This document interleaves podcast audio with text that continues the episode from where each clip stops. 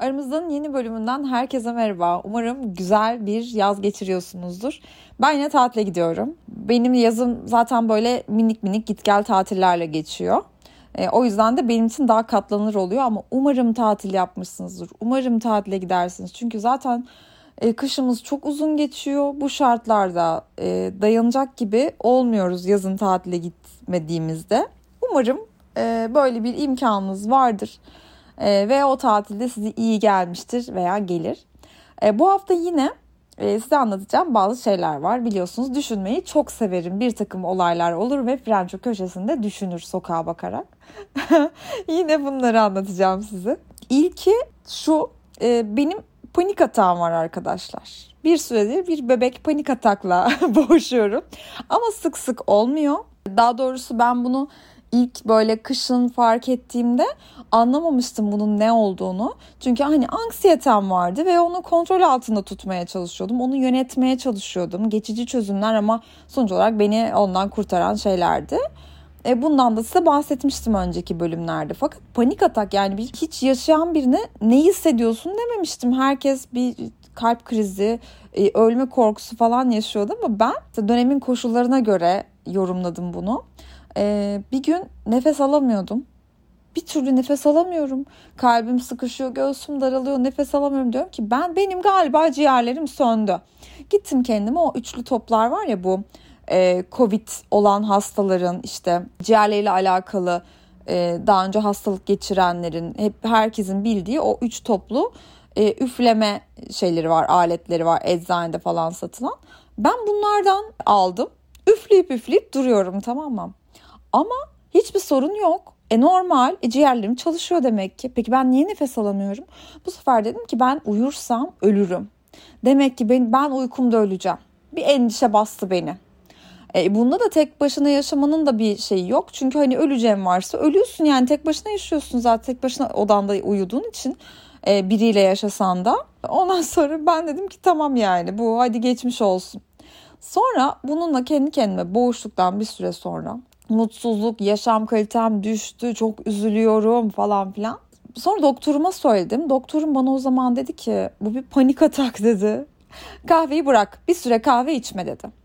E, çünkü bunu tetikleyicilerden bir tanesi kahve, e, bir diğeri alkol. Alkol yani gözlemlediğim kadarıyla alkol bende buna yol açmıyor çünkü çok çok fazla fazla içen bir insan değilim zaten. Sosyal içiciyim. O yüzden de e, atak olmuyor onunla. Ama her sabah iki buçuk kocaman kupa yani benim kahve makinamla altı fincana denk gelen kahve içiyorum. Ee, ve bu bende normalde bir şey yapmıyor. Çünkü hafif içiyorum kahveyi ama panik atağı tetikliyor. Ee, bu noktada daha sonraki atak dönemlerimde kahveyi bıraktım. Ee, bir 10 gün kadar ara veriyorum. Zaten o arada canınız hiç istemiyor. Ee, kime anlatıyorum bilmiyorum. Yani eminim sizin de bunu yaşıyorsunuzdur ve siz de bunu çok iyi biliyorsunuzdur. Canım istemiyor zaten kahve. Sonra yavaş yavaş tekrar başlıyorum. Tekrar hani eski e, yoğunluğunda kahve içiyorum falan filan derken geçen hafta yine geldi bizimki. Dedim ki al kahveyi bırakıyorum. Hemen kahvemi yarım bıraktım hatta yani öyle bir hızlı geldi ve hızlı bıraktım. O yarım bardağı döktüm. Birkaç gün kahve yapmadım. Bu arada terapistimle de bunu konuştuk. Dedim ki yani panik atak yine atak geldi ama e, kahveyi bıraktım. E, o dedi ki bu geçici bir çözüm. Evet işe yarar çünkü e, tetikleyicilerden biri kahvedir. Bırakırsanız rahatlatır ama e, bunu bir yazalım mı dedi yani siz bir yazın dedi. Ben de defterime bunu not aldı. Yani atak geldiğinde ne oluyor da atak geliyor diye not almaya başladım. E, başladım derken zaten bu hafta bir tane geldi ve onu da not aldım. Burada çok komik bir şey oldu. Not aldıktan sonra böyle düşünüyorum. E, parmağım da düşünürken böyle tam burnumla dudağımın ortasında ben genellikle elimi oraya atarım ve orada durur parmağım. Orada böyle burnumun tam bitiş noktasına dokunuyordu. Sonra çat diye atak gitti. Gitti arkadaşlar. Bunun bir düğmesi gibiymiş o. Şaka gibi. Ee, bunu tabii Betül'e sordum. Betül dedim yani bu o da beyin beden temizliği yapıyor ya beyin bedenin bütün noktalarını falan da biliyor. Ya bu çok saçma. Bu neden olmuş olabilir dedim. Ya bunu yapmaya devam et o zaman dedi. Yani orada bilmem ne bölgesi var zaten falan dedi. hiç aklımda kalmadı onların bu teknik isimleri. E, ama bundan sonra tabii ki bu arada dün akşam yine kendisi uğradı. E, panik atağım. Yine aynı şeyi yaptım. Yine gitti. Demek ki ben vücudumdaki o e, tuşu buldum. E, bu bölümün kaydettikten sonra bu arada bugün terapim var. E, ona da bahsedeceğim. Bakalım ne diyecek çok merak ediyorum.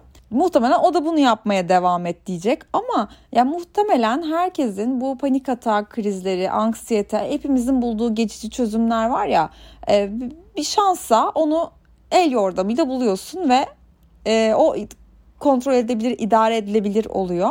Ama tabii ki e, bu sorunun yani herhangi bir sorunun geçici çözümle e, sorunların halının altına süpürülmesi, şimdilik gündemde olmaması ve şimdilik kafamızı rahat ettirmesi benim için doğru bir yöntem değil. E, o yüzden bunu e, kökten beni buna ne sürüklüyor? Bu sürükleyen şeyi halledeyim, onunla aramdaki ilişkiyi halledeyim diyen bir insan olduğum için de terapiyi hem kendim için çok doğru buluyorum hem de herkese öneriyorum. Eğer imkanınız varsa e, terapi alın. Bir diğer konu şu. Geçen gün Simna Onur ben dışarıdayız. E, gece uzun oturmalarda e, herkes böyle uzun uzun hiç normalde konuşulmayan normalde gündüz bir kafede oturunca kahve içince aklına gelmeyen şey mutlaka gece oturmasında gelir yani dışarıda oturuyoruz alakası çok güzel bir barda oturuyorduk Simna aniden şeydi ya Funda dedi biz birlikte arkadaşlığımız başladığında Funda sevilmeyen biri bana herkes mesaj attı dedi ben de aynı şeyi Simna için yaşadım. Hatta ben her aynı şeyi düşününce herkes için yaşadım. Ben dedim ki o anda Simna kim seviliyor ki dedim. Doğru diyorsun kimse sevilmiyor aslında dedi. Ve bu korkunç gerçekle yüzleştik. Ee, sonra Simna bunun üzerine çok düşünmez ama ben düşünmeyi bilirim. Düşünmeyi severim biliyorsunuz. Bunun üzerine biraz düşündüm. Hafızamı zorladım. Ee, ve geçmişten bugüne yanında durduğum birinin X bir arkadaşımın sevgi dolu çok tatlı bir arkadaşımın bile e, aa onu çok severim dediği bir insan olduğunu hatırlamıyorum. İnsanlar genellikle e, sevgileriyle harekete geçmiyorlar ya da sevgilerini söylemeye gerek duymuyorlar. Genellikle hoşlanmadıklarını, ay ne işin var senin onunla ya, ay ne alaka ya falan dedikleri insanlardan bahsetmeyi seviyorlar.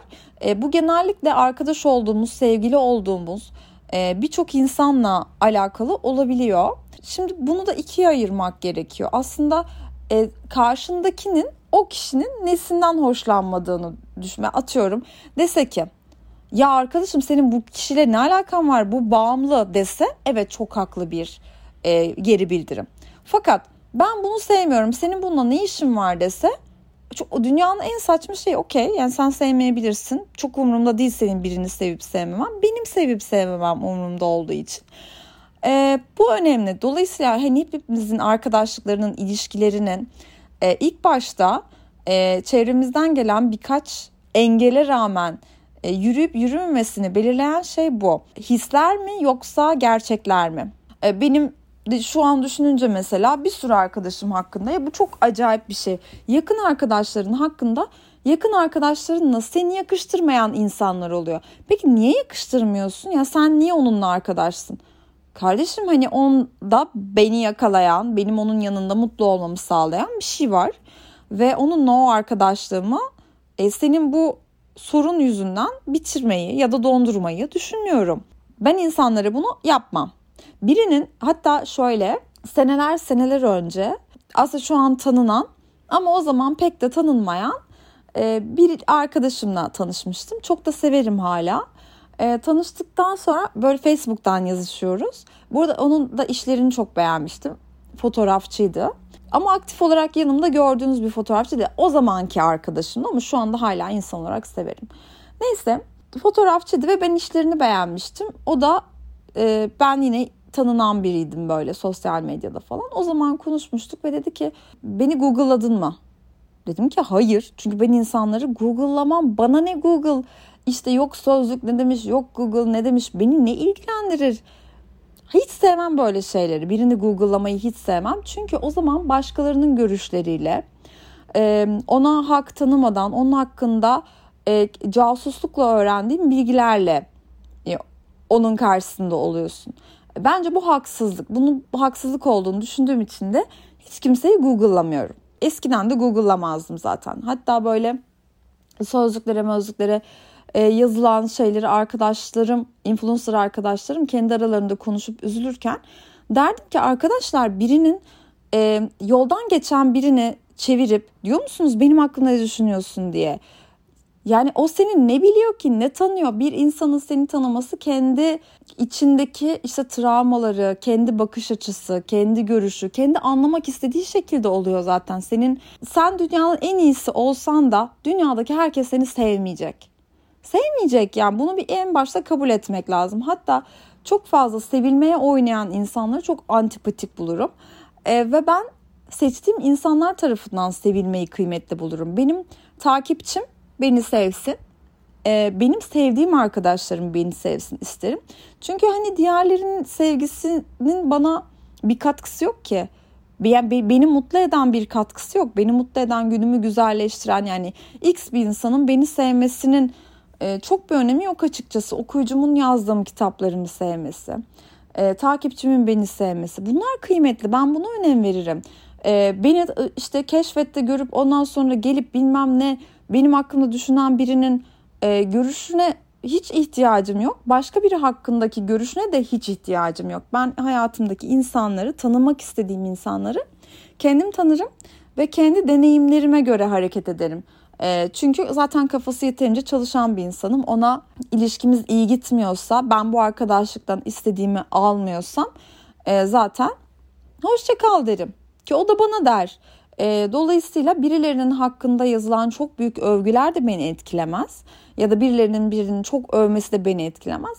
Birinin yermesi de beni etkilemez. Çünkü ben bu benim hayatım e, ve benim yeterince kafam çalışıyor. E, bunu düşününce birazcık böyle e, Asimler'le o konuşmamızı düşününce dedim ki gerçekten hayatta ya etrafında tanıdığım en melek, en yani bunun hiç kimseye zararı yok. Bu nasıl sevilmez dediğim insanlar bile var. Yani çünkü insanlar sevmemek için her zaman bir bahane bulurlar. O bazen de o kişiye dokunan tarafıdır. O kişinin yarıştığı tarafıdır. Atıyorum birinin popüler olmasına gelemezsiniz. Birinin sevdiğiniz markayla çalışmasına gelemezsiniz. Eğer aynı işi yapıyorsanız. Ee, ya da atıyorum e, çok hoşlandığınız biri o kişiyi beğeniyordur. Ona da antipati duyarsınız. Benim gel ben de bunu yaşadım mesela. Hani normalde e, bir his olumlu ya da olumsuz bir his beslemediğim bir kızı benim e, hoşlandığım çocuk takip ettiği için ve çok az kişiden biri o olduğu için gerçekten o kıza uyuz oluyordum. Çünkü bir yarıştaydık ve o kazanmıştı. Halbuki bir yarışta değildik. O kızın bu yarıştan haberi yoktu. Ee, ve yarışın bir galibi de yoktu. Çünkü onlar birlikte değildi yani. Kızın da umrunda olan bir beğeni değil zaten bu. E, o yüzden de e, benim için ben bu sevgi konusunu birkaç gündür düşünüyorum. Birilerinin sevmesi önemli mi? Kimin sevmesi önemli? Ya da e, biriyle en başta tanıştığımızda gelen geri bildirimler, çevreden gelenler ne kadar ilişkimizi yönetiyor? Ben çok şanslıyım ki ben de çok dik dururum bu konuda. Benim de arkadaşlarım, arkadaşlıklarım e, masaya yatırılamaz. Ve neden bununla arkadaşlığını denilemez? Çünkü ben o kişiyi seviyorumdur. E, ama aynı zamanda ben de demek ki insanlar için böyleyim. E, bu yüzden de bu benim çok hoşuma gitti. Bunun üzerine düşünmek isterseniz oturun birkaç günde siz düşünün. Ben yeterince düşündüm. E, son konumuz da şu. E, hatta bunu biraz önce yani bölümden hemen önce fark ettim. E, şimdi yine Twitter'da çok meşhur olan tweetim doğru insan tweetimi.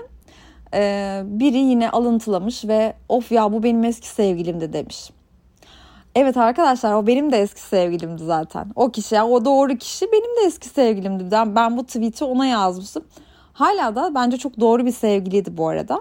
Ama şartlar o ilişkinin devam etmesine izin vermiyordu. Ve ayrılıkları da olgunlukla kabul etmek gerekiyor. Bazen yürümez, bazen senin yolun ondan daha uzundur ve daha farklıdır. Ben yolu heyecanı duyan bir insan olduğum için e, oralarda çok fazla takılı kalmıyorum. Ama şu an düşündüm bu tweet evet bu eski ve doğru insan için atılan tweet. Peki ya hayatımızda bir kez mi seviyoruz? E ne olacak o zaman bundan sonra? Ben bir daha aşık olmayacak mıyım? E, ev olmayacak mı falan? Ee, hayatta bence her zaman bir öncekinden daha iyisi gelir. Her zaman.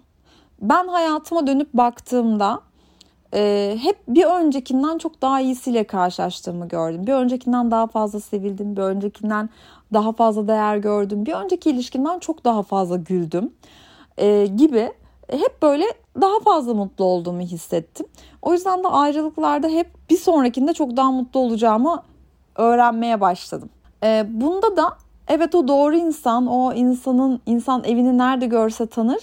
Bitti ama yenisi ne biliyor musunuz? Yenisi bence bitmeyen bir tatil.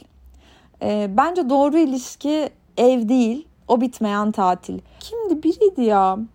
E, insanlar birbirinin tatili olmalı diye. Engin Günaydın'dı galiba. Tabii Engin Günaydın'dı. İnsanlar birbirinin tatili olmalı e, ilişkilerde diyordu. Gerçekten de öyle. E, hep böyle bu kafa yapısında oldum. Buna şu an daha çok inanıyorum. O tweetin de güncel haline derseniz kesinlikle bu. E, doğru insanlar bitmez. Her döneminiz, her e, yaşınız, e, her ruh haliniz için doğru insan farklıdır. E, biriyle bitti diye ah ben doğru insanı kaybettim demek hiç doğru olmuyor benim için. Bir sonraki sizin hayatınızdaki daha güzel bir dönemi temsil etsin. Bir sonraki hayatınızın o gerçek aşkı sizin hayatınızın bitmeyen tatili olsun diye düşünüyorum. E, bu tweette böyle bu bölümde güncellemiş olalım. Bölüm bu kadardı. Umarım sevmişsinizdir. Bu arada yalnızdım.com için aldığımız yeni bir kod vardı. Beni eğer Instagram'dan takip ediyorsanız e, orada sürekli konuşuyorduk. Sürekli böyle kod kullanımı, kodlar tükendi, işte zaman azaldı falan filan derken ben bir tane daha kod istedim. Aramızda 19 koduyla yalnızdilim.com'a giriyorsunuz. Testi çözüyorsunuz. Psikolojik bir test var. O testi çözüyorsunuz. Testin sonucuna göre danışmanlarla eşleşiyorsunuz. Onlardan bir tanesiyle yola devam etmek için e, takviminizi ayarlıyorsunuz. İlk seans, bir seansınız 19 TL bu kodla. E, sonrakilerde zaten çok uygun fiyatlı. Umarım size de hala kullanmayanlara da iyi gelir bu kod. Bu sponsorlu bir bölüm değildi ama e, bunu da belirtmekte fayda var. E, umarım bölümü sevmişsinizdir. Görüşmek üzere.